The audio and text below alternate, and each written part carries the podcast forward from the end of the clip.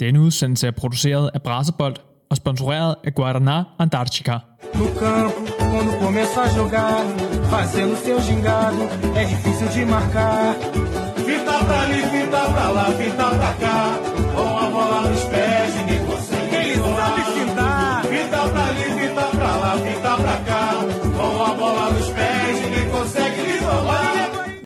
Til de dejlige toner af Julio Cesar Udigella og Adilio siger jeg velkommen til Brassebold.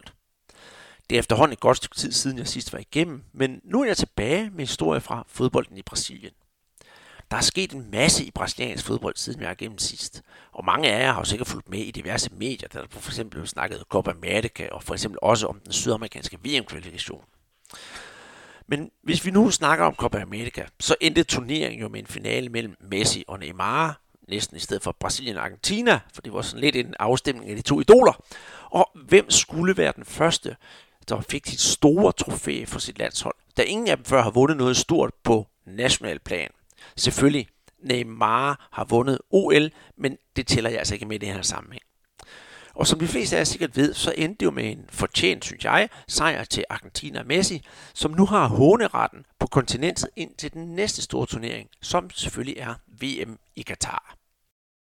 Og det bliver der også VM i Katar, som bliver det første punkt i podcasten, da der den sidste uges tid er sket ting, som har resulteret i, at Chiche skulle ændre sine planer på landsholdet.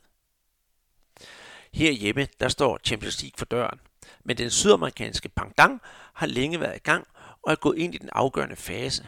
Og det er næsten for godt til at være sandt, hvis man ser på det med brasilianske briller. Og jeg skal love jer for, at jeg klæder jer på til semifinalerne, som bliver spillet om en god måneds tid. Vi skal heller ikke glemme den brasilianske liga. Og her er tiden gået lige så hurtigt som, ja, jeg ved ikke hvad, og vi er snart halvvejs, siden jeg var igennem sidst. Og det er jo turneringen, som mange kalder den mest uforudsigelige i verden. Men må ikke, jeg kan se at få lidt styr på sagerne, når jeg tager et kig på tabellen og kigger nærmere på et par af holdene. Og så skal vi kigge lidt på, jeg kan sige, den brasilianske fodbold med danske briller. For set med dansk-brasilianske øjne, har der været en del aktivitet i vores Superliga. Og det drejer sig selvfølgelig om især FC Midtjylland og Vejle, som har hentet forstærkninger fra Sambalandet. Og hvis vi beholder den danske brille på og kigger lidt den anden vej, så har klubben Ceará i staten af samme navn erobret en danskers hjerte. At Brasilien har bjergtaget mange danskere er selvsagt ingen nyhed, men for Jakob fra Aalborg tager historien en helt anden og super interessant drejning, da han faktisk er Ceará-ambassadør i Danmark. For Jakob slutter det dog ikke med ambassadørtitlen, men det må I vente med at høre mere til til sidst i podcasten, hvor jeg har haft en snak med Jakob om hans forhold til Ceará og om hvordan han blev en del af klubben. Velkommen til Brasserbold.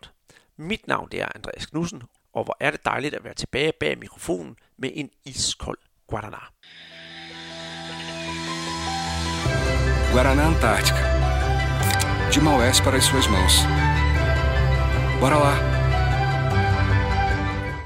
Som jeg nævnte i introen, er der sket en masse ting og sager på det brasilianske landshold i den forgangne uge.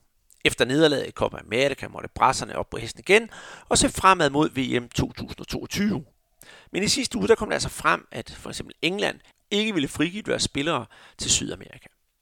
For Chichi betød det pludselig, at han skulle udtage en masse nye spillere, så vi nu næsten kan snakke om et ligalandshold forud for de kommende kvalifikationskampe mod VM. At jeg kalder det et ligalandshold, det er selvfølgelig med et glimt i øjet, men hele ni spillere skulle udtages, og fem af dem kommer rent faktisk fra den brasilianske serie A. De fem spillere, det drejer sig om, er Everson og Hulk fra Atletico Mineiro. Derudover har vi Santos fra Atletico Paranense, Miranda fra São Paulo og Ednilson fra Internacional. De sidste spillere, som fik et øh, opkald fra Chichi, er Gerson fra Olympique Marseille, Mateus Nunes fra portugisiske Sporting CB, Malcolm fra Zenit St. Petersborg og Vinicius Junior fra Real Madrid. For nogle af spillerne, der vagte udtalelsen rent faktisk en rigtig, rigtig stor glæde, og for Hulsk vedkommende, der skrev han rent faktisk på sin Instagram-profil. Efter der nu gået af fem år, er jeg tilbage og klar til at iføre mig den gule landsholdstrøje, hvilket er en kæmpe glæde, som jeg kun kan sige tak for. Al ære går til min Gud, og jeg står evig gæld til dig. Ja, der kan man jo bare se, hvordan nogle af spillerne glæder sig til at komme tilbage og spille for landsholdet. Og for den 36-årige Miranda, så er det jo snart to år siden, han sidst var med, og forsvarsspilleren havde faktisk planlagt en lille pause hos øh, klubholdet São Paulo, men det kan man godt sige er gået lidt i vasken til fordel for landsholdet. Men må ikke Miranda er godt tilfreds med det hele, når det kommer til stykket. De nye navne betyder så, at det brasilianske landshold nu ser således ud. På målmandsposten, der finder vi følgende spillere. Weverton fra Palmeiras, Everson fra Atlético Mineiro og Santos fra Atletico Paranense. På bakpladserne, der har vi Alexandro fra Juventus, Dani Alves fra São Paulo, Danilo, også fra Juventus, og Guilherme Aranha fra Atletico Mineiro. I forsvaret, der finder vi Eder Militão fra Real Madrid, Lucas Verissimo fra Benfica, Marquinhos fra Paris Saint-Germain og Miranda fra São Paulo. Midtbanen består af Bruno Guimarães fra Lyon, Casimiro fra Real Madrid, Claudinho fra FC Zenit St. Petersborg, Everton Ribeiro fra Flamengo, Lucas Paquetá fra Lyon, Ednilson fra Internacional, og Gerson fra Olympique Marseille, og Mateus Nunes fra Sporting CP. Oppe i front, der har vi Gabigo, Gabriel Barbosa fra Flamengo, Mateus Cunha fra Hertha Berlin, Neymar, han behøver vist ikke nogen nærmere præsentation, og så har vi Malcolm fra Zenit St. Petersborg og Vinicius Junior fra Real Madrid. Det er jo alligevel noget af et slagkraftigt landshold, vi har, trods de, øh, de afbud fra for eksempel England, men må ikke de også skulle få hentet nogle point hjem her i de kommende kampe. Og for at runde det hele af, så må jeg selvfølgelig også hellere få med, at Brasilien starter ude her med at møde Chile på udebane natten til den 3. i 9. Så det er altså lige op over efter den her podcast, den er udkommet. Derefter, der har det brasilianske to kampe på hjemmebane. Den første, det er mod Argentina den 5. september på Neoquímica Arena. Og den sidste, det er mod Peru den 9 på Arena Pernambuco oppe i Nordøst-Brasilien. Og skal man, skal man have lyst til at se de her sydamerikanske kvalkampe, så mener jeg faktisk, at de bliver sendt i dansk fjernsyn. Og især kampen mod Argentina, den har danskervenlige seer, tidspunkter, da den her hjemme skulle blive vist omkring klokken 8 eller 9 om aftenen. Hvorimod den sidste, hvor Brasilien spiller mod Peru, det bliver klokken halv tre om natten. Så Brasilien-Argentina her den øh, 5. Det lyder altså rigtig, rigtig attraktivt. Mens jeg har optaget podcast og redigeret dito, er der sket nyheder i det brasilianske landsholdslejre. For det er nemlig ikke nemt at være landstræner Chichi. Både Claudinho og Malcolm er beordret tilbage til Zenit St. Petersborg, fordi de skal spille mod Chelsea på Stamford Bridge den 14. i 9. Og da de engelske coronaregler jo ikke vil have, at brasilianerne skal tage afsted, gælder det åbenbart også for de to, som spiller i Rusland. Ergo er det ikke helt den rigtige holdopspilling, jeg kom med, og det må jeg meget undskylde, men nyderne går ufattelig hurtigt i brasiliansk fodbold, og sådan er det nu engang. Men nok om landsholdet. Nu skal vi videre til noget helt andet.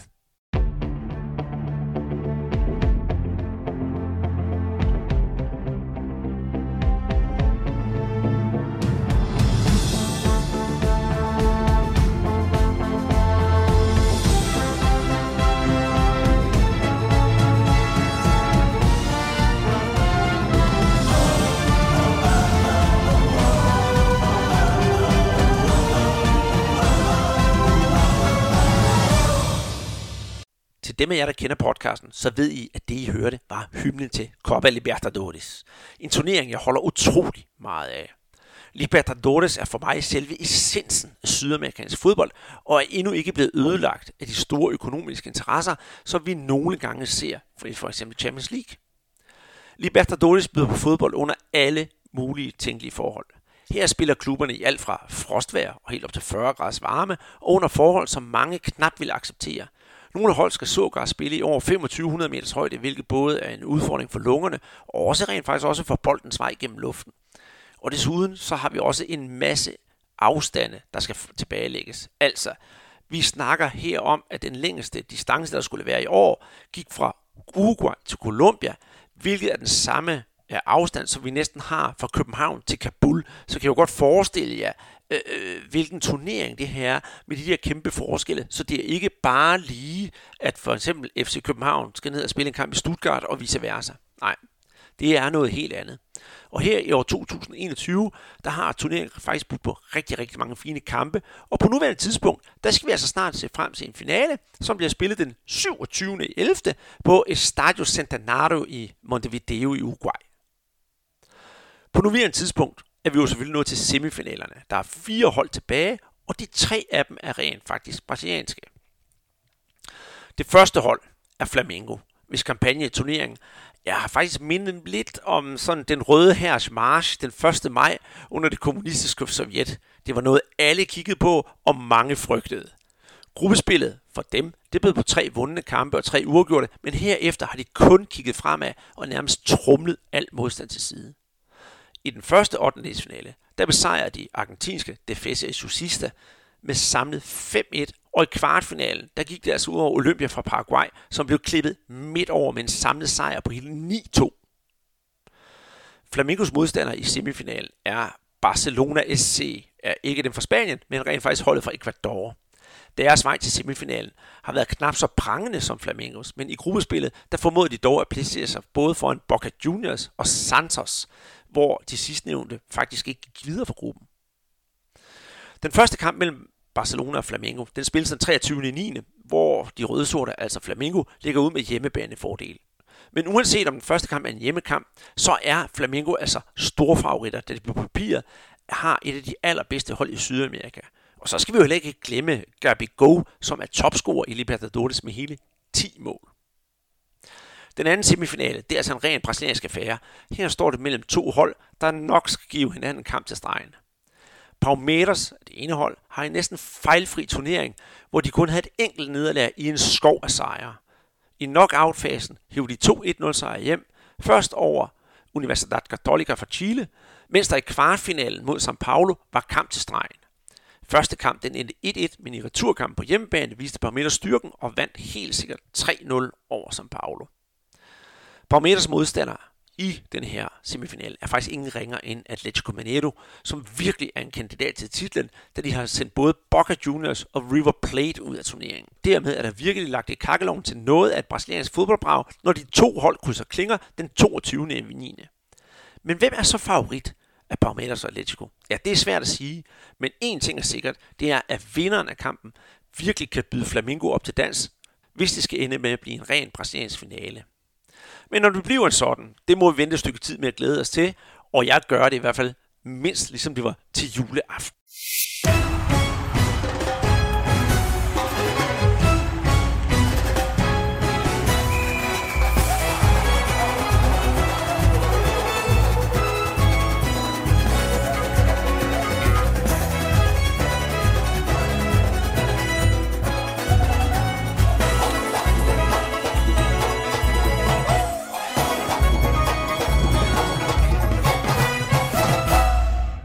Nu er det tid til at snakke om det bedste brasilianske række. Siden sidste podcast, der er der altså spillet en ordentlig flot kamp i den brasilianske række, og selvom toppen af ligaen måske ikke er overraskende, så er der altså nogle hold, som i manges øjne befinder sig på pladser, de ikke plejer, og det er både ment positivt og negativt. Fordi når man tager et kig ned ad tabellen, så er de to øverste hold også dem, som møder hinanden i en ene Copa Libertadores semifinale, nemlig Atletico Mineiro og Palmeiras. Atletico de har satset på sæson 2021 og har hentet for eksempel Hulk hjem, hvilket har givet dem bonus fra første gang, han var på banen. Hulk han er altså blevet holdets profil og har nettet hele syv gange og har haft næstsidste fod på fem gange. Så hvis folk troede, han var over the top, så er han bestemt blomstret op i Atletico. Ja, og så endda også udtaget til det brasilianske landshold. En anden stor signing hos Atletico, det er altså Diego Costa, som klubben har hentet fra Atletico Madrid. Han er ligesom Hulk blevet en darling hos klubbens fans, som efterhånden kan begynde at drømme om det mesterskab, som de ikke har vundet siden, hold nu fast, 1971. Klubben har rent faktisk også hentet en gavetræner ind, nemlig Kuka, som vandt Copa Libertadores for klubben tilbage i 2013. Set med danske øjne, der er der altså også noget interessant, fordi der har Atletico jo sagt farvel til Mahoney, som sidste uge blev præsenteret af FC Midtjylland. Men det er en helt anden historie, og den har de fleste af jer nok hørt meget om her på det sidste. Ligans anden plads, den tilhører Palmeiras, der efter lidt af en slingerkurs er tilbage på sejrstimen, efter de i weekenden vandt 2-1 over Atletico Paranaense. Klubben er ikke ligesom Atletico Mineiro, en som har trukket de helt store overskrifter med transfers. Men holdet består faktisk af en masse, masse dygtige spillere og et fundament, som mange klubber vil misunde. Med navne som Gustavo Scarpa, Breno og Honi, der skal man altså ikke afskrive de grønne. Men spørgsmålet om truppen kan både holde til at være med i ligaen og en potentiel finale og selvfølgelig semifinale i Copa Libertadores. På tredjepladsen, der finder vi faktisk en behagelig overraskelse, nemlig klubben og fra Østbrasilien, Fortaleza. Klubben har gået fra den ene sejr til den anden, og var for fire år siden placeret i den tredje bedste række. Herfra er det faktisk kun gået fremad, og sidste år endte de sågar med en plads i Serie A, som endda kvalificerede dem til Copa Sudamericana, Euroleagues øh, ekvivalent i Sydamerika. Så Fortalezas historie er virkelig en god en af slagsen for østbrasiliansk fodbold.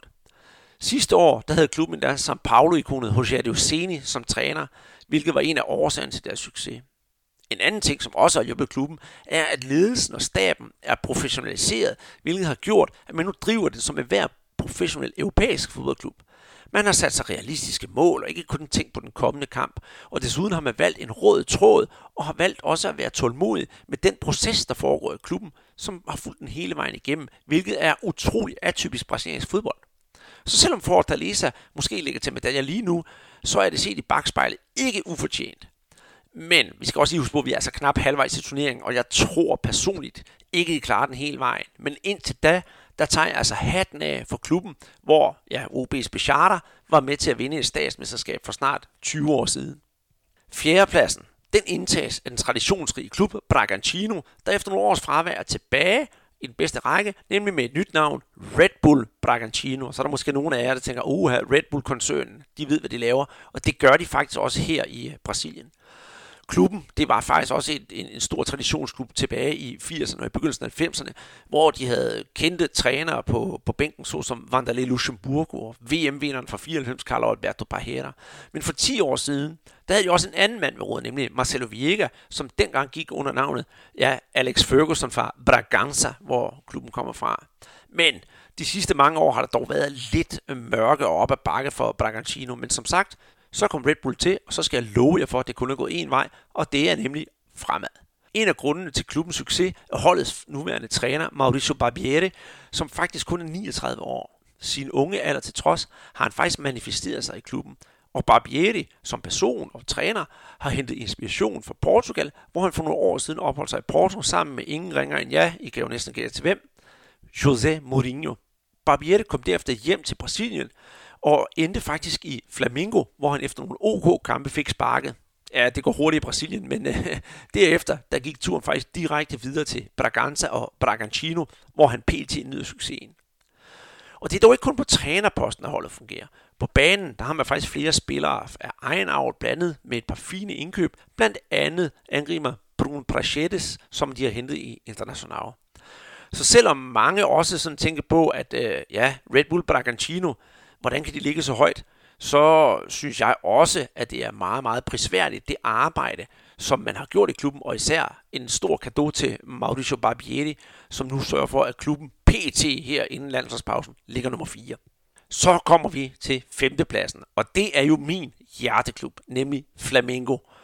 Men det er jo ikke gået sådan lige, som præsten har prædiket, for den klub, som alle forventer skal støvsuge hele Sydamerika for ja, øh, medaljer og pokaler. Sæsonen startede jo med, at de havde José Seni som træner, og ikke fordi øh, Senis ja, trænerkvalitet eller resultater var sådan super dårlige, men det blev aldrig helt godt. Så på trods af, at Seni havde været med til at give Flamengo et mesterskab, så fik han altså dødstødet. Og ind fra højre, der hentede man alle tids idol i Flamengo og generelt i Brasilien, nemlig Renato Portaluppi, eller som man også er kendt under, Renato Gaúcho. Og til jer, der har set film om Carlos Kaiser, vi kunne ikke genkende til, hvem han er. Efter Renatos ankomst har Flamengo egentlig kun haft gode resultater. Der har dog været et par svipser, for eksempel hvor man taber relativt stort 4-0 til International. Men til gengæld, når Flamengo først stempler ind med Gabigol og så videre, så er der garanti for mål, og det er altså mange af slagsen. Så Flamingos målscore ser rigtig, rigtig pæn ud, da de både kan vinde både 1-0, 2-0, 3-0, 4-0 og ja, 5-0.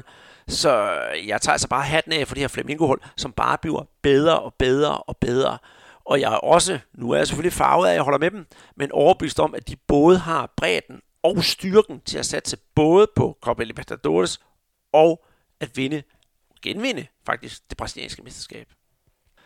Det var sådan lidt om de første fem hold i ligaen. Og hvis jeg skal nævne nogle klubber, som jeg ikke lige har snakket om her, så synes jeg, at øh, uh, Gremio er en af dem, vi skal nævne. Netop klubben, hvor Renato Gaúcho kom fra. Det er en klub, der pt. er i store, store problemer. Fra årets start, der har tingene jo ikke virket, og det øh, måske sammenligne lidt, hvordan det er i øh, Hamburg Sportsverein, eller hvordan det er i AGF. Et stort ego, og lige pludselig noget, der ikke fungerer. Stolte traditioner, og lige pludselig, ja, melodien forsvinder. Klubben, de måtte jo som sagt sige farvel til Renato Gaúcho, og ind for højre, der har man budt ingen ringer i Luis Felipe Scolari velkommen. Om samarbejdet, det bliver godt, det skal være svært at spore om, men indtil videre har det været noget en udfordring, da klubben ikke har fundet en rytme. På papiret, der er det altså et hold, som burde ligge højere i tabellen, med stjerner som jeg har Finja, altså ex-Bayern München og Flamingo, Borja og Kahneman. Altså, de her gutter her, de skal altså til at præstere noget mere, hvis der ikke skal, skal storværsk i Porto Alegre. Fordi Gremio ligger pt. på en 18. plads. Kun med Sport Recife og Sharp Coense under sig. Så det er jo altså lidt af en klub, som måske trænger til at genfinde sig selv. Det var så et lille kig på den brasilianske serie, men for en god ordens skyld, så går jeg lige stillingen igennem og kigger på, hvem der rent faktisk er topscorer i ligaen. Som sagt, på førstepladsen, der har vi Atletico Mineiro med 39 point efter 18 kampe. Derefter har vi Palmeiras, Fortaleza, Red Bull Bragantino, Flamengo, Corinthians, Atletico Goianense, Ceará, Atletico Paranense, Internacional. På 11. pladsen Santos, der er vi nede på 22 point. 12. pladsen São Paulo, også med 22 point. 13. pladsen Juventude, Cuiabá, Bahia. Så finder vi på 16. pladsen Fluminense, der stadigvæk har farlige Freddy i truppen. 17. pladsen Américo Mineiro. 18. pladsen Gremio, kun med 16 point. 19. pladsen Sport Recife, også med 16 point. Og så helt i bund, der finder vi Chapecoense. Efter 18 kampe har de altså kun 7 point. Så for Chapecoense, holdet, der har ja, gået så meget grusomt igennem her de sidste mange år, de er, ser altså ud til at gå en krank skæbne i møde i den her sæson i den brasilianske liga. Hvis vi lige kigger på topscorelisten, så på førstepladsen Eddie Nilsson fra Internacional. Nummer to, Bruno Henrique fra Flamengo. Begge med 8 mål. Og så selvfølgelig også Gilberto fra Bahia, han har også scoret 8 mål. På fjerdepladsen har vi Hulk med 7 mål. På femtepladsen Italo fra Red Bull Bragantino, også med 7 mål. Og Hobson med, fra Fortaleza med syv mål.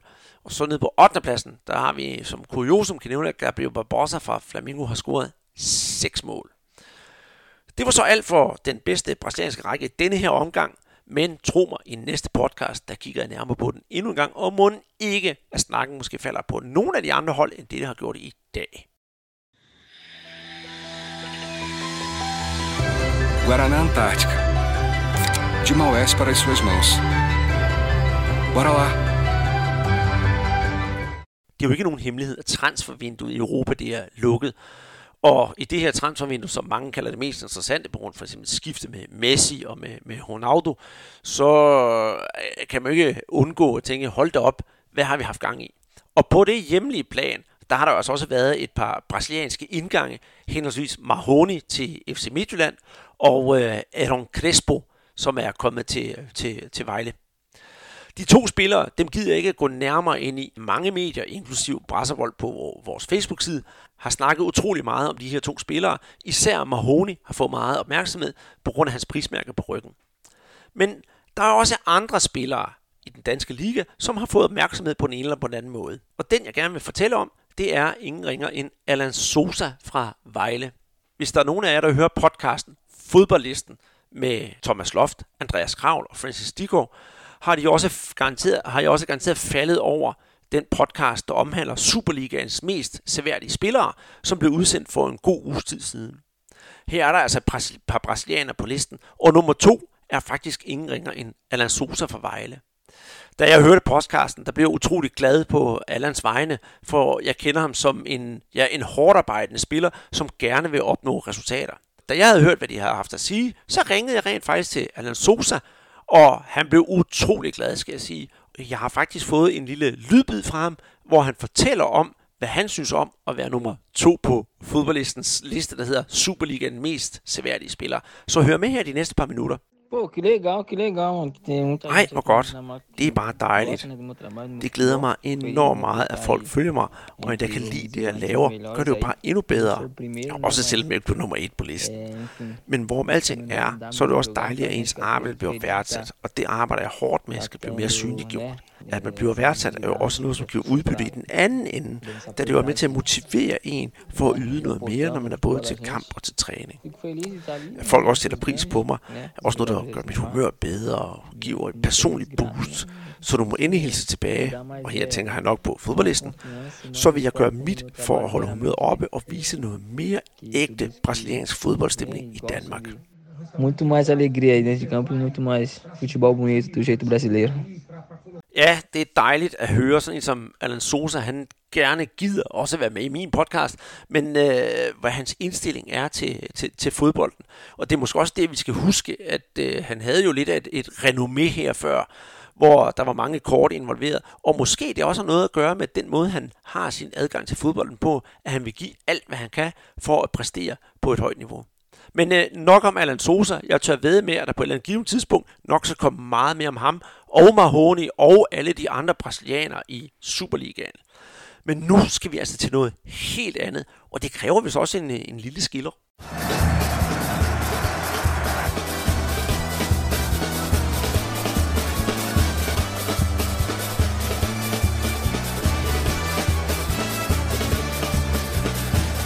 Og nu skal vi til at snakke om noget helt øh, specielt i den her podcast, for der er jo mange af jer, der, der lytter med, der ved, at jeg holder med Flamingo, og da jeg lavede podcast med Peter Arnholdt, så var Peter Arnholdt vaskomand.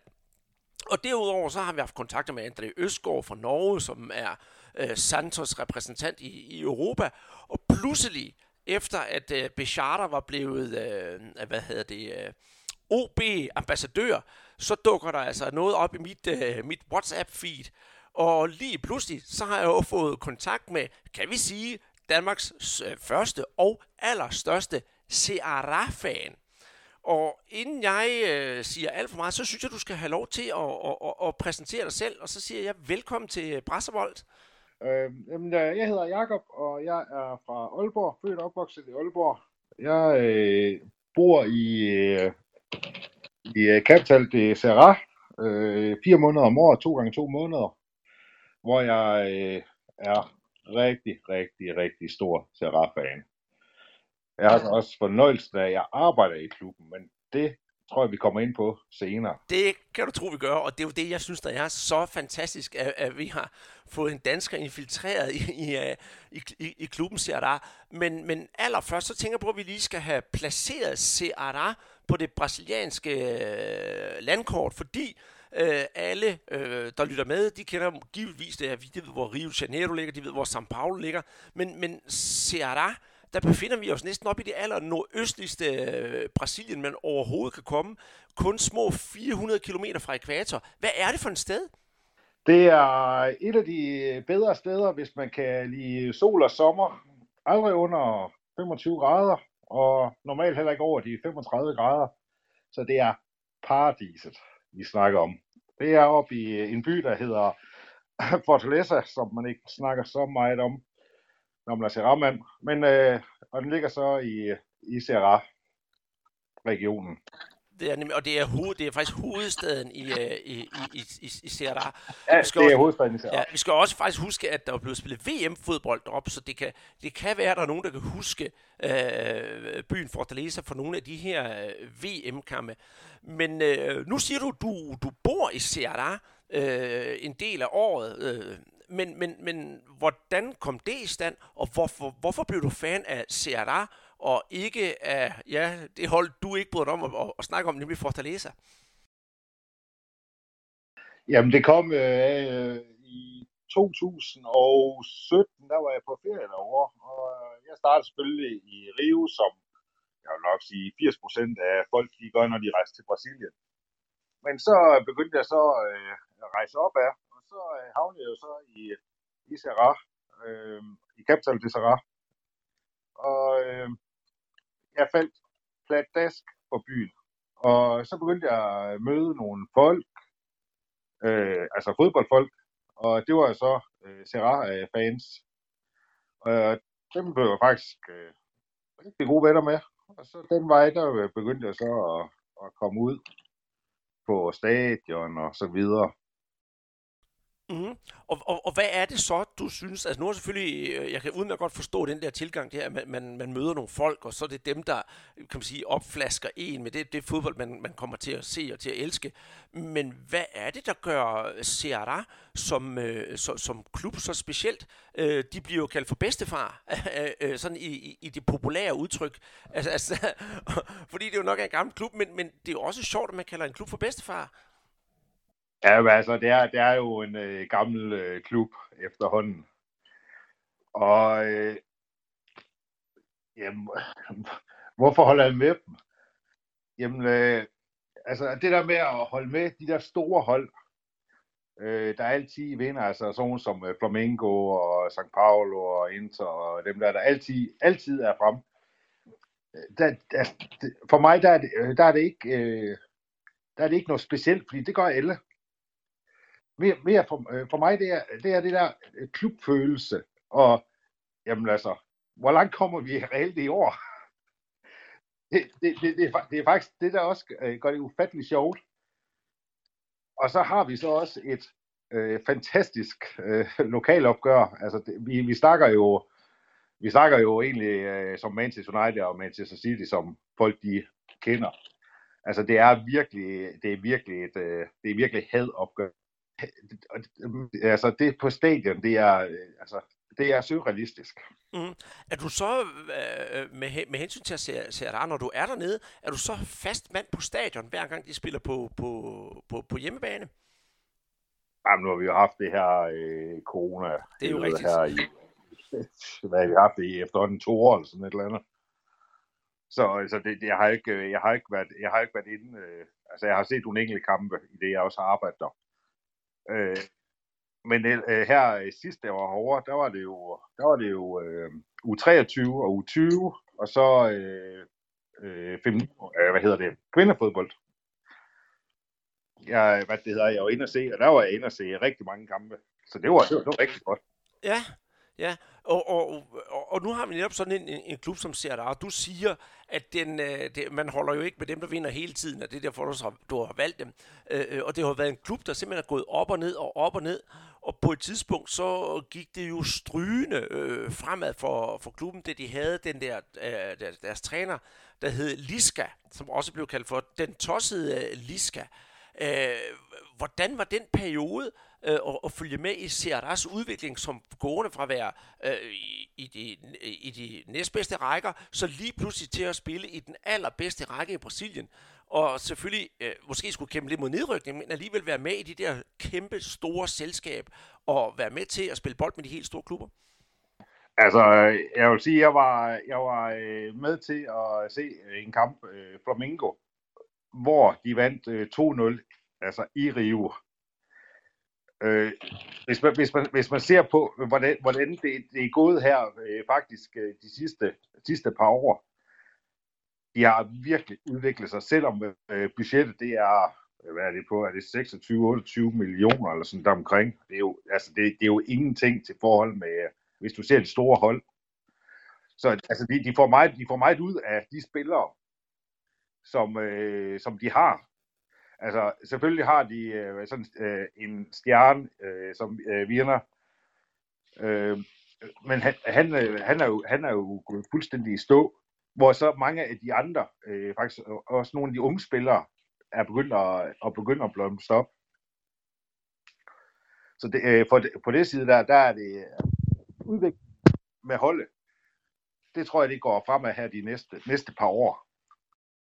Og, og, og i det hele taget, øh, nu snakker vi, at udviklingen går fremad. De har jo ikke ret mange penge derop. Men, men hvordan, altså du er jo også inde i klubben, hvordan ser du så på, på den generelle situation for noget østbrasiliansk fodbold?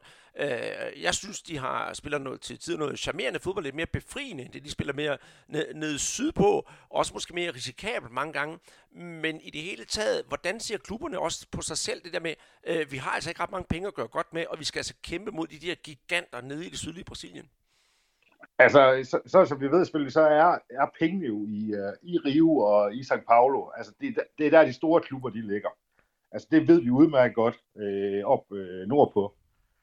Så man, man kan jo egentlig sige, øh, altså, ja, altså, man kan jo egentlig sige, at de spiller, de kan, de kan egentlig tillade sig at spille mere frit, fordi øh, forventningerne er ikke større, end de egentlig reelt er. Men alligevel accepterer man jo ikke et nederlag, selvom det hedder Flamengo eller São Paulo eller sådan noget. Ja. Så, øh, så, så, men, men det er jo fansene. Men hvis du ser på i selve ligaen, jamen så er det jo, øh, så er det jo, altså så, så kan de egentlig tillade sig at spille mere frit på grund af økonomi og på grund af hvad de egentlig har råd til at købe af, købe af spillere. Mm. Og det, og det kan man også godt mærke, øh, mærke deroppe. Nu har, jeg ikke, øh, nu har jeg ikke været så meget i, øh, i Rio, så jeg ved ikke, hvordan, øh, hvordan det egentlig takles dernede, hvis at de går hen og taber. Men jeg ved da, når, når at Serrat de taber, altså, der er jo en, undskyld ord, men der er en helvedes ballade øh, deroppe. Jamen, det kan altså, jeg godt forstå. Men, men, men, men, men hvis du så ser, hvad de egentlig skriver i, øh, i pressen og ting, så, så, er det ikke, øh, så er det ikke sådan distilleret, altså de bliver ikke savet midt over, som hvis at Flamengo de går hen og taber til et bundhold. Så bliver de jo savet over midt, Ja, ja. midt over. Jo. Ja, ja. Det er Det, rigtigt. det, det, det, det, er, det, er der ikke, det er der ikke deroppe. Men fansen, de accepterer stadigvæk ikke et, øh, et nederlag, altså. Mm. Det er, det er utilgiveligt. Mm. Så, så, så man kan måske konkludere, at tolerancen fra, fra, fra pressens side, den er lidt større over for, for, for holdene deroppe. Det kunne måske også nu, nu snakker vi lige her om, om men det kunne også det kunne være Sport Recife for eksempel, hvor man er så lidt mere, jamen, det går nok, øh, fordi de ved, de ikke har ret mange penge og kender deres, øh, deres, øh, deres, deres situation. Men øh, du siger jo også selv, du er involveret i klubben. Det kunne jeg egentlig godt tænke mig at høre meget mere om. Ja, det er jo... Øh, det kom jo så af, at øh, jeg har jo en kæreste øh, i Brasilien, som, øh, som jeg bor sammen med derovre, når, jeg, når, vi, når vi er derovre. Øh, og hun arbejder jo så i bank, og har øh, de forbindelser øh, til øh, Terra. Øh, så det kom egentlig af, at jeg var, jeg var derovre og så, i de her to måneder der ved hende, og så begyndte jeg så at snakke om, at ah, jeg skal snart have et eller andet at lave. Altså det der med at ligge på stranden hver dag i to måneder, det kunne jeg slet ikke overskue. Så jeg skulle have noget at lave. Så spurgte hun så om, hvad, hvad er det egentlig, jeg gerne ville lave? Jamen, øh, jeg kunne egentlig godt, øh, jeg kunne godt tænke mig at arbejde for noget fodbold eller sådan noget. Altså, jeg er ligeglad med pengene. Det er mere oplevelsen. Ja. Det er sprog blev integreret. Fordi min plan det er jo, at jeg flytter derover på et tidspunkt. Ja. Men så, øh, så spurgte jeg hjemme, altså, Øh, altså, øh, øh, altså hun, havde, hun havde nogle forbindelser i, ja, i Serra, altså blandt andet til præsidenten, og blandt andet til økonomidirektøren, som hun er øh, privat ven med også. Så hun kunne da lige høre, og så gik der så et par dage, så, øh, så ringede hun så til mig, at øh, i morgen der skulle jeg så ud i Serra og øh, snakke med, med dem om øh, arbejde. Jamen, det lyder da vældig interessant, så jeg kom derud, og så snakkede vi om, hvad, hvad jeg egentlig godt kunne tænke mig. Jamen, jeg kunne egentlig, altså, materialemand, det, det, kunne være, det kunne være fint job. Altså, jeg havde jo ikke nogen, jeg havde ikke nogen forventninger til, hvad jeg skulle lave. Jeg regnede ikke med at komme ind og skulle sidde på de, øh, direktører og stole, og jeg ved ikke hvad, fordi jeg kan jo, altså sprog, det er jo stadig svært for mig at lære. Ja. Så, øh, så blev jeg så, øh, første år, jeg var derude, eller øh, første, de første to måneder, jeg var derude, der blev jeg så placeret i øh, CIA, altså ved første holdet. En kæmpe oplevelse. Fik rigtig, rigtig mange oplevelser.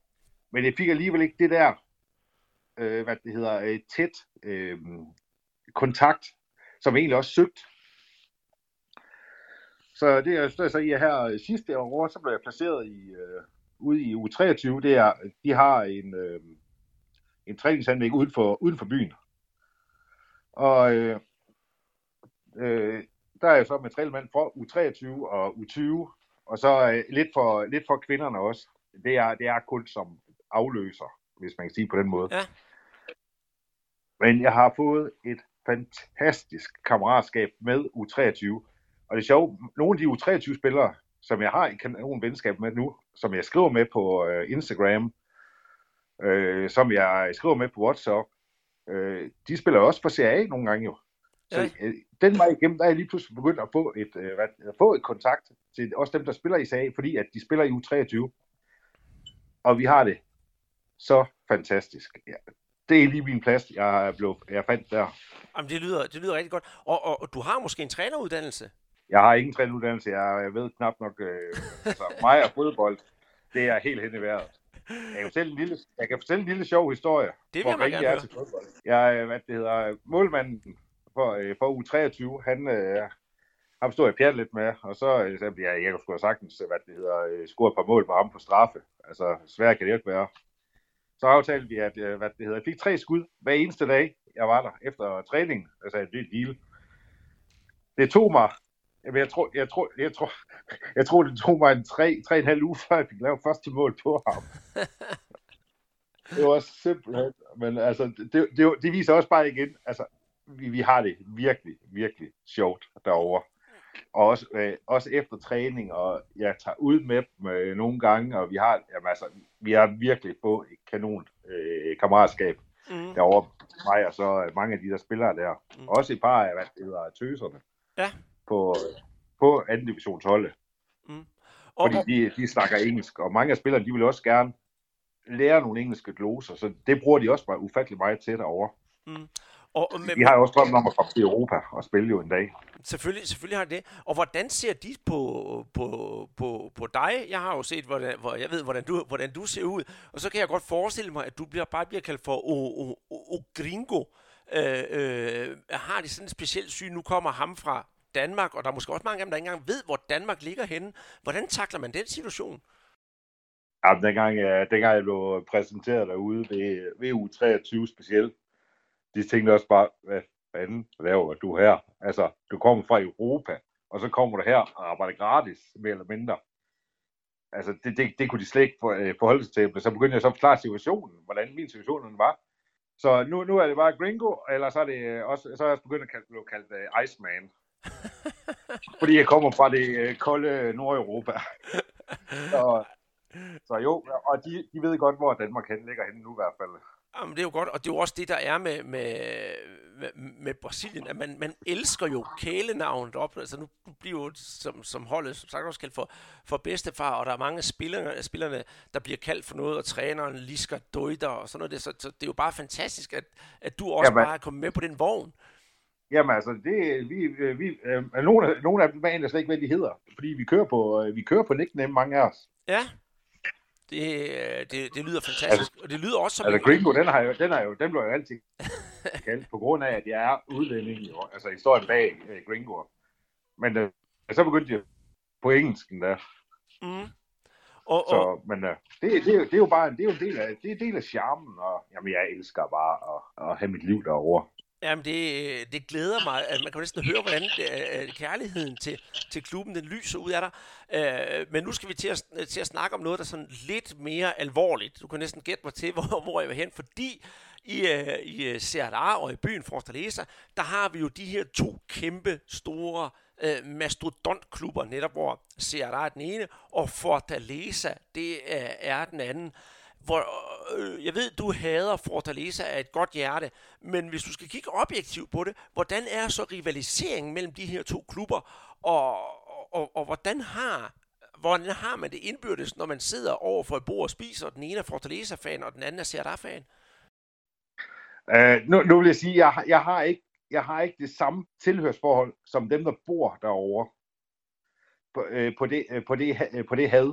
Jeg har, jeg har, at jeg ikke kan fordrage den klub der. Øh, men det er, jo, det er jo en del af det game med at være, altså for eksempel, hvor jeg, der hvor jeg arbejder, jeg, jeg, blev næsten, jeg blev næsten slagte, hvis jeg siger, at jeg bor i Fortaleza. Nu kan jeg godt sige det nu her, fordi de forstår jo ikke, hvad vi sidder og snakker om nu, og det kommer de heller ikke til.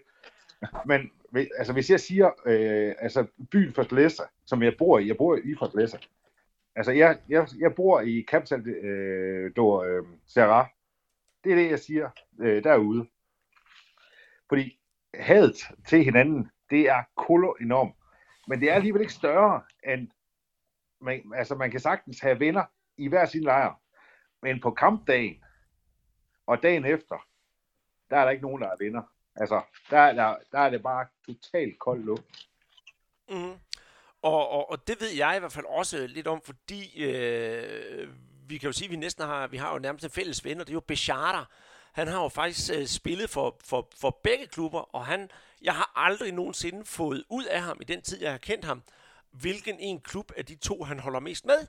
Og han siger også, at han kunne aldrig finde på at være på stadion, når de to klubber møder hinanden. Øh, netop af den årsag, at øh, han ikke vil sætte i bås at den ene fangruppering eller den anden fangruppering.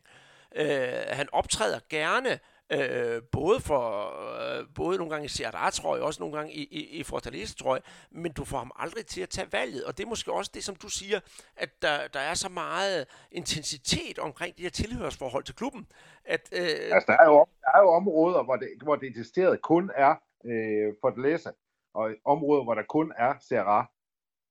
Øh, specielt omkring, øh, hvis du ser omkring øh, træningsstadierne inde i byen øh, for Serra, hvor, øh, altså, hvor A-holdet træner, hvor hele direktionen sidder.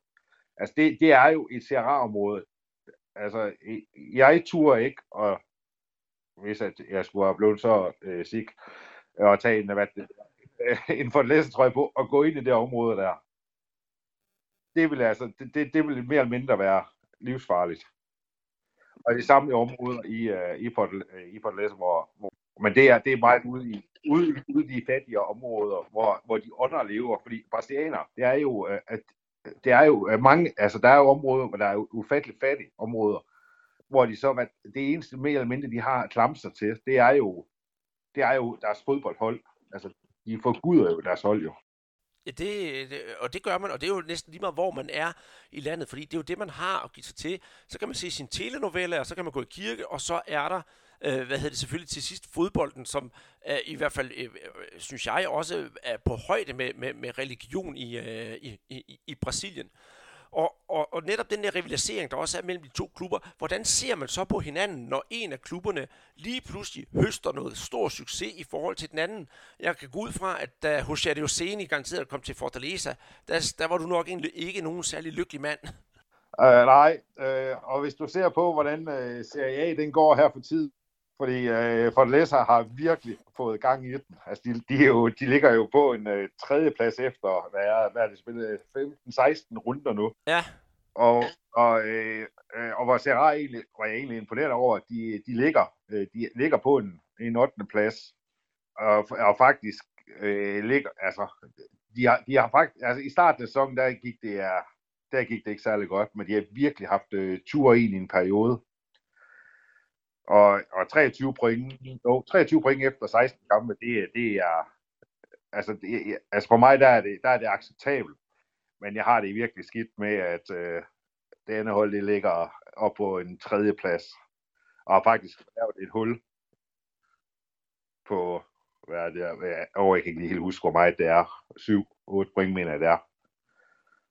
Mm, og det er jo, men, men, men, det, men, men det, er jo, det er jo rigtigt, altså det er jo fedt nok, at ens klub klarer sig okay, fordi øh, både, øh, både øh, Fortaleza og, og, og Serra, de, der havde man måske på forhånd sagt, at de ville ligge i den nederste ende af tabellen, også? Men, men så er det jo fedt, at, at, at for dig at se, der ligger på 8. pladsen, der ligger til kvalifikation til Copa Sudamericana, men så må det være, så være en bed, at det der Fortaleza ligger lige så meget op over, altså det er oppe på den der tredje plads.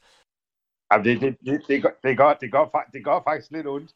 Og hver eneste gang, man øh, hvad det hedder, vågner op til et eller andet resultat, hvor man bare ser, at de har vundet, ja, det er jo bare, fuck. altså, jeg, du ved jo, jeg er flam, Flamingo-mand, og jeg kan se, at Flamingo ligger på femtepladsen, ikke også? Altså, efter Fortaleza, så det er jo også en, en, en, en kæmpe, kæmpe stor bedrift. Men ja. i, på et tidspunkt, hvor de her øh, øh, hold får lov til virkelig at give den gas, det er i det, der hedder Copa do Nordeste, også kaldet Lampions League. Hvor meget betyder den for, for, for de hold i Nordøst-Brasilien. For øh, jeg følger med i turneringen, når den bliver spillet, den er jo lige færdig øh, for et par måneder siden. Og det er jo fantastisk, så meget engagement der er i det der øh, nordøst-brasilianske fodbold. Øh, fordi det drejer sig nærmest om, om herredømmet, herredømmet i Nordøst-Brasilien. Altså, det, det er virkelig, øh, det er en uh, turnering, der er uh, prioriteret meget, meget højt uh, deroppe i, op i området der. Og specielt øh, imellem øh, Fortaleza og så, øh, og så Serra, øh, fordi de er jo de to, der har vundet det, har det vundet det nogle gange efterhånden. Men der er jo så også øh, det der hold, der ligger lidt længere nede, øh, der hedder Bahia. Det, det, det, det kan vi jo heller ikke komme udenom.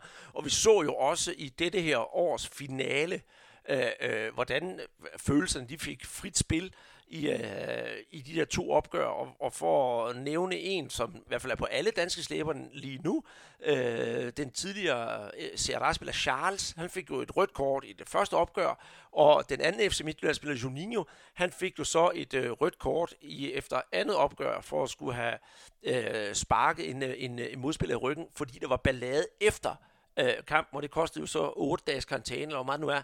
Øh, og der kan man se, hvordan følelserne de får frit spil. Men jeg kunne også godt tænke mig at vide, hvad, hvad tænkte du den dag, du åbnede aviserne eller læste danske medier, og så står der, at øh, FC Midtjylland henter Charles? Det var, det var faktisk, øh, jeg var faktisk på arbejde, øh, hvad det hedder, den dag, eller på det tidspunkt, det blev offentliggjort, i, øh, øh, i, øh, i øh, hvad det hedder, i Fortaleza der, eller i CRA, men i området der.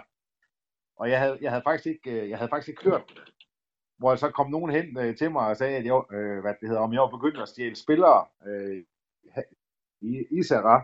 Jeg tænkte, hvad, hvad fanden, hvad, hvad snakker I om?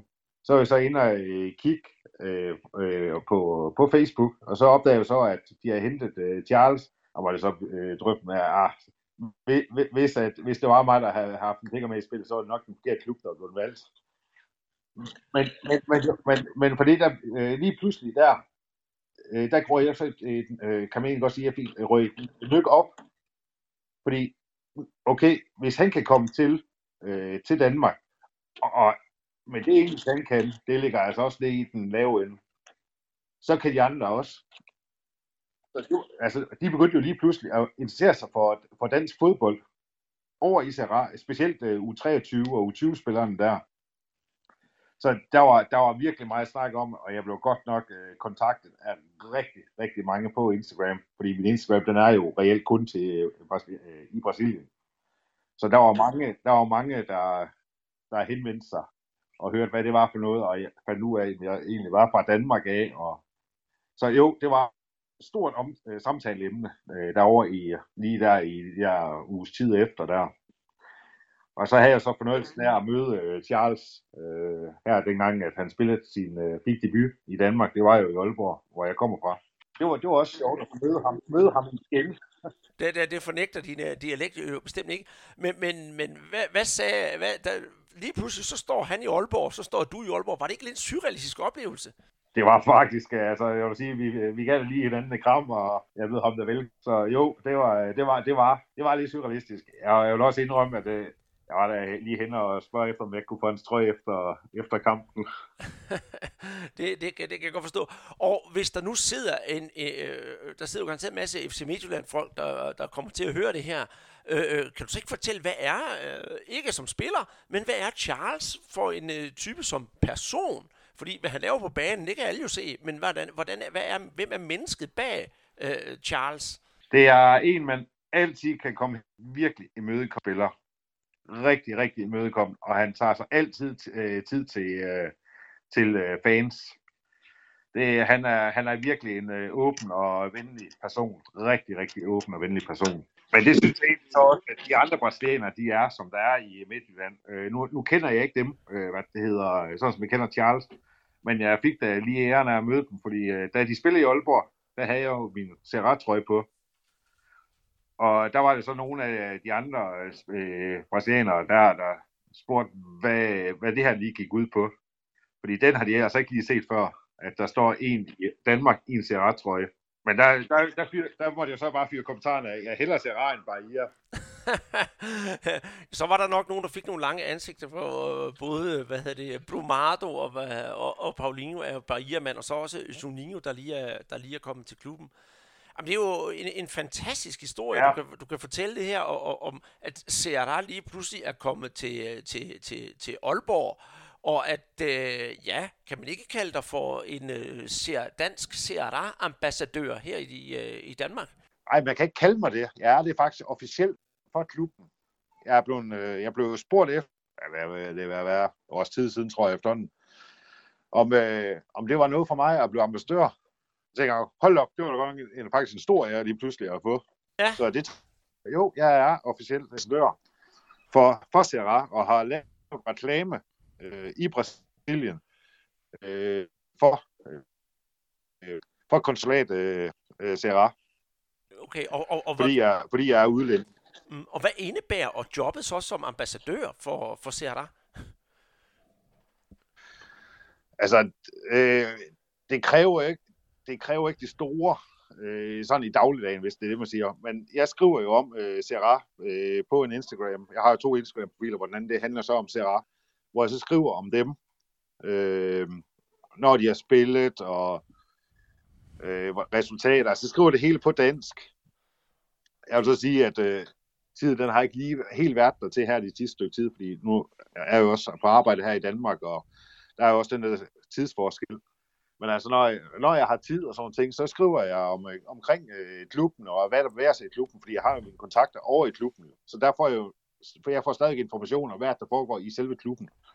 Så der kommer, der kommer lidt, som der ikke kommer i pressen. Mm. Og til, øh, til dem, der gerne vil følge den der Instagram-profil, hvad hedder den? Det hedder Konsul øh, Aalborg. Ko- ko- Konsulat Aalborg. Ja. Godt. Jamen, hvad, så håber jeg, at øh, det må jeg da også ind og få, få fulgt med i, så jeg, kan, så jeg også kan få øh, nogle CRA-nyheder, som jeg ikke måske kan få af, af andre veje. Og øh, du kan roligt regne med, at jeg kommer til at trække på dine veksler, øh, hver gang det omhandler CRA. Så, men, øh, men jeg håber også, at, øh, at, du får den der indflydelse i klubben, som du, du, du, snakker om, den bliver større. Og så glæder det mig på min vegne i hvert fald, at du også regner med at flytte dig ned, øh, kan man sige, øh, for, forever. Fordi du er jo så åbenbart simpelthen både solgt både til, til Ceará og til Brasilien. Jamen, altså, jeg, er, altså, jeg, jeg, jeg går egentlig bare næsten øh, venter på, at jeg skal på pension, så jeg kan flytte over. Jeg har så, øh, jeg er så begyndt at overveje, om jeg skal vente de der 19 år, øh, eller om øh, jeg skal tage, øh, tage chancen på et tidspunkt, og så, og så flytte derover. Ja, Fordi jeg- jeg, jeg lever egentlig bedre øh, derover, hvis man kan sige det sådan. Det eneste minus, der er jo for, mit, for mit vedkommende, det er jo økonomi. Det er det, jeg hele tiden skal tænke på, når, øh, når jeg gør sådan ting som det der. selvfølgelig. Men, men alt hvad der, altså, hjertet det er til at rejse derover. Uden tvivl om det. Altså, jeg har, jeg har arbejde, jeg har arbejde, jeg har, øh, har en kæreste derovre, jeg har bolig derovre. Altså, jeg, vi, vi har, altså, jeg har jo hele grundlag til at kunne rejse derover. Ja, Men lønnen derovre, den, øh, den er ikke lige øh, pt. til, at jeg kan, kan tillade mig at gøre det. Nej, og, så, og, og, og- og det, kan jeg, det kan jeg kun ikke, ikke genkende til, at, at øh, man skal virkelig have en god basis, hvis man skal, skal derover. Det er lidt svært at få lavet et liv på, på lykke og fromme. Øh, men, men, men som jeg skulle til at spørge om, hvad er så med sproget? Puha. Jeg har fundet ud af portugisisk, det er svært at lære. Hold op. Og det værste er jo, når jeg, når jeg, når jeg er derovre i, jeg er derovre i to måneder, og så er jeg hjemme i Danmark i fire måneder. I de der fire måneder, der, der glemmer man altså nogle gange noget. Ja, så skal jeg give dig et godt råd. Bare hæng i, så skal det nok komme på et, øh, komme på et tidspunkt. Øh, jeg har lært det på en hård måde, øh, og, og det synes jeg selv i hvert fald, jeg nyder rigtig godt af i, i dag. Men ved du hvad, Jacob? Øh, det var simpelthen fantastisk, du gad at være med i, øh, i podcasten her og åbne øjnene for, for, for Ceará. Og så, og så er det jo også sjovt, det er netop, at, øh, at det var en OB-trøje, der egentlig også var med til at føre, føre os sammen.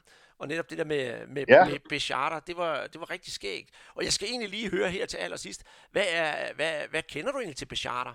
Øh, jeg kender ikke øh, så meget øh, til ham, fordi det er jo en del år siden, han har øh, spillet med, jeg ved, at han har spillet i OB, hvor han egentlig var, han var en okay øh, prisbak øh, skyld i hvert fald. Og øh, han, øh, så var han i, øh, i Vejle, men ikke den, øh, ikke den store. Men øh, altså, han, han, jeg, jeg glæder mig til at komme derover og så møde ham derovre. Ja, for så vidt jeg har forstået, så har han en ret stor status øh, i Nordøstbrasilien, både hos øh, Ceará-fans og Fortaleza-fans. Det har han. For han var jo, han var jo egentlig en, en god spiller, da han, da han spillede, og vist specielt i den anden klub. Det, er, det er rigtigt. Men øh, Jacob, nu skal jeg ikke forstyrre dig mere, så, og, og jeg kan forstå, at du er i gang med at lave noget flytning og sådan noget, så, så det var måske et, et, et behageligt afbræk lige at være med i den her, den her, den her podcast, og jeg håber, at vi kommer til at høre, høre meget mere til dig. Også øh, nu sidder du så i, i, i, i Aalborg lige nu, men når du engang kommer tilbage til Brasilien, så kunne det være, at vi kunne få et par reportager direkte dernede fra.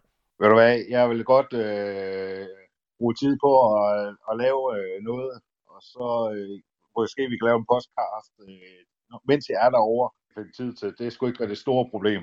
Så jo, den, øh, det kan vi sagtens gøre. Det glæder mig rigtig meget. Ja, det var en dejlig snak med Jakob. Og jeg lover jer for, at næste gang jeg mødes med Jakob, så står den på store fadøl og fodboldanekdoter. Ham fra Serra, og jeg skal komme med mine for Rio. Det skal blive ren fornøjelse. Og hvis nogen af jer har lyst til at høre mere om Jakob og ser dig, så må I endelig skrive til mig, for så tager jeg gerne fat i ham igen. Og det kunne jo også godt være, at øh, vi kunne få nogle udtalelser fra Charles fra FC Midtjylland, der ham og Jakob rent faktisk er gode venner. Og med det, så lukker jeg podcasten ned for denne her gang. Det var en fornøjelse at være tilbage. Jeg håber, I nød det, I hørte, og har lyst til at være med en anden gang. Kan I have en rigtig, rigtig god september. Mit navn det er Andreas Knudsen, og jeg håber, vi ses hellere før end siden.